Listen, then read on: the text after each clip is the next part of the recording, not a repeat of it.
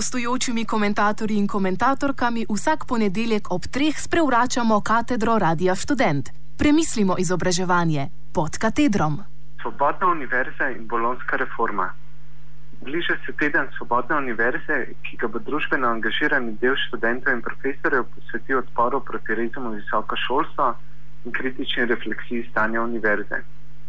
Ker so argumenti proti rezumu visokem šolstvu znani, če tudi ne vedno neproblematični, bom v tem prispevku posvetil enemu izmed osnovnih problemov visokega šolstva, ki je neodvisen od obsega ali vira financiranja in ga torej uspešna preprečitev rezov ne bi rešila.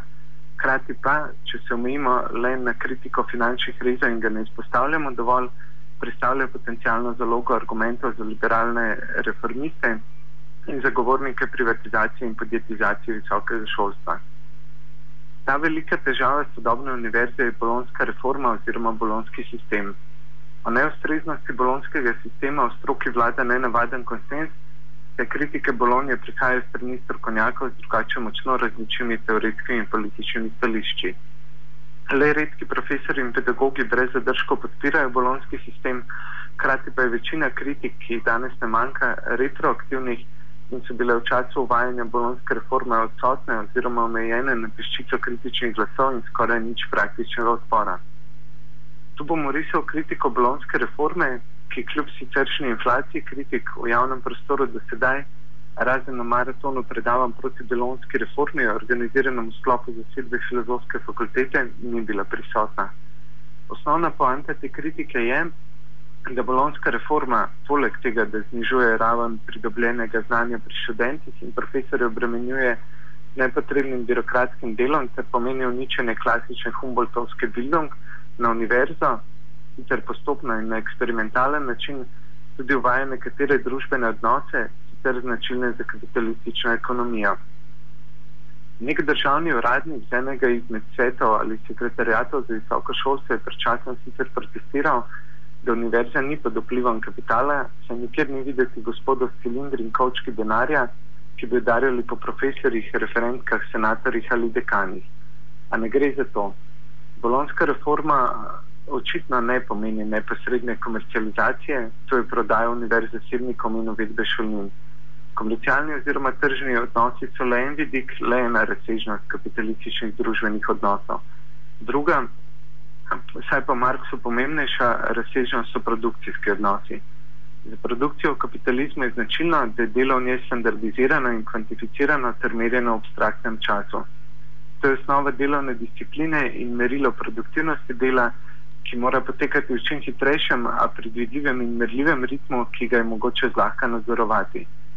Sistem kreditnih točk, morda najpomembnejši element polonske reforme na univerzo, uvaja ravno to če gledamo na Bolonijo kot na nov sistem časovnega merjenja, vrednotenja in discipliniranja dela tako profesorjev kot študentov, so elektronske ključavnice ali je nadzor nad študenti le konsekventno nadaljevanje logike, ki jo vede bolonska reforma.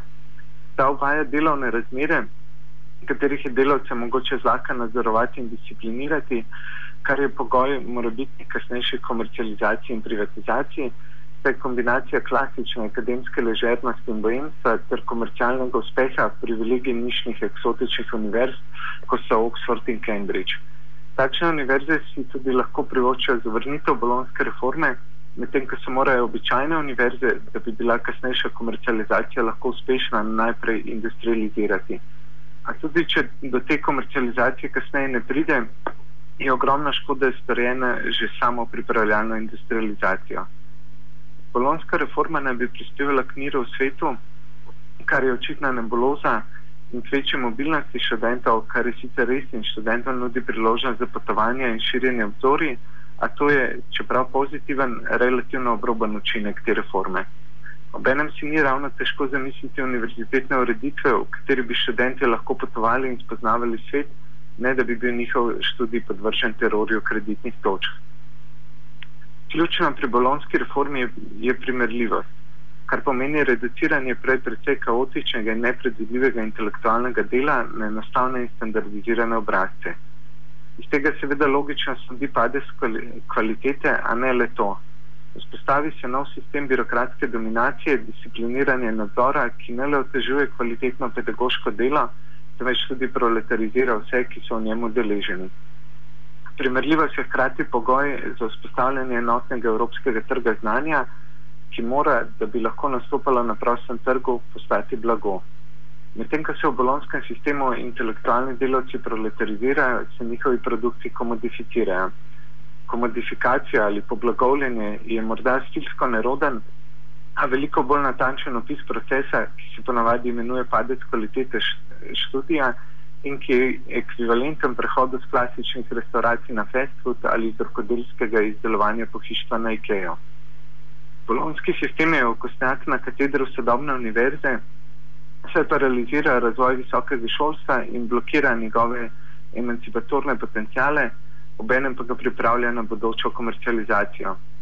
Bolonska reforma je hrbtna plat finančnih rezov, ki univerzo silijo odpiranje za nove in inovativne načine financiranja, medtem ko bolonska reforma spreminja notranji institucionalni ustroj in način dela na univerzi tako, da boste primerna novi družbeni vlogi univerze.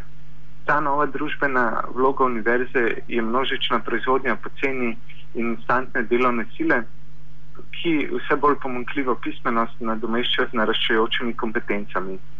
Zato je potrebno bolonski reformi posvetiti vsaj toliko kritične pozornosti kot finančnim rezom svojih dveh kreditnih točk sem prispeval Primoš Krašovec.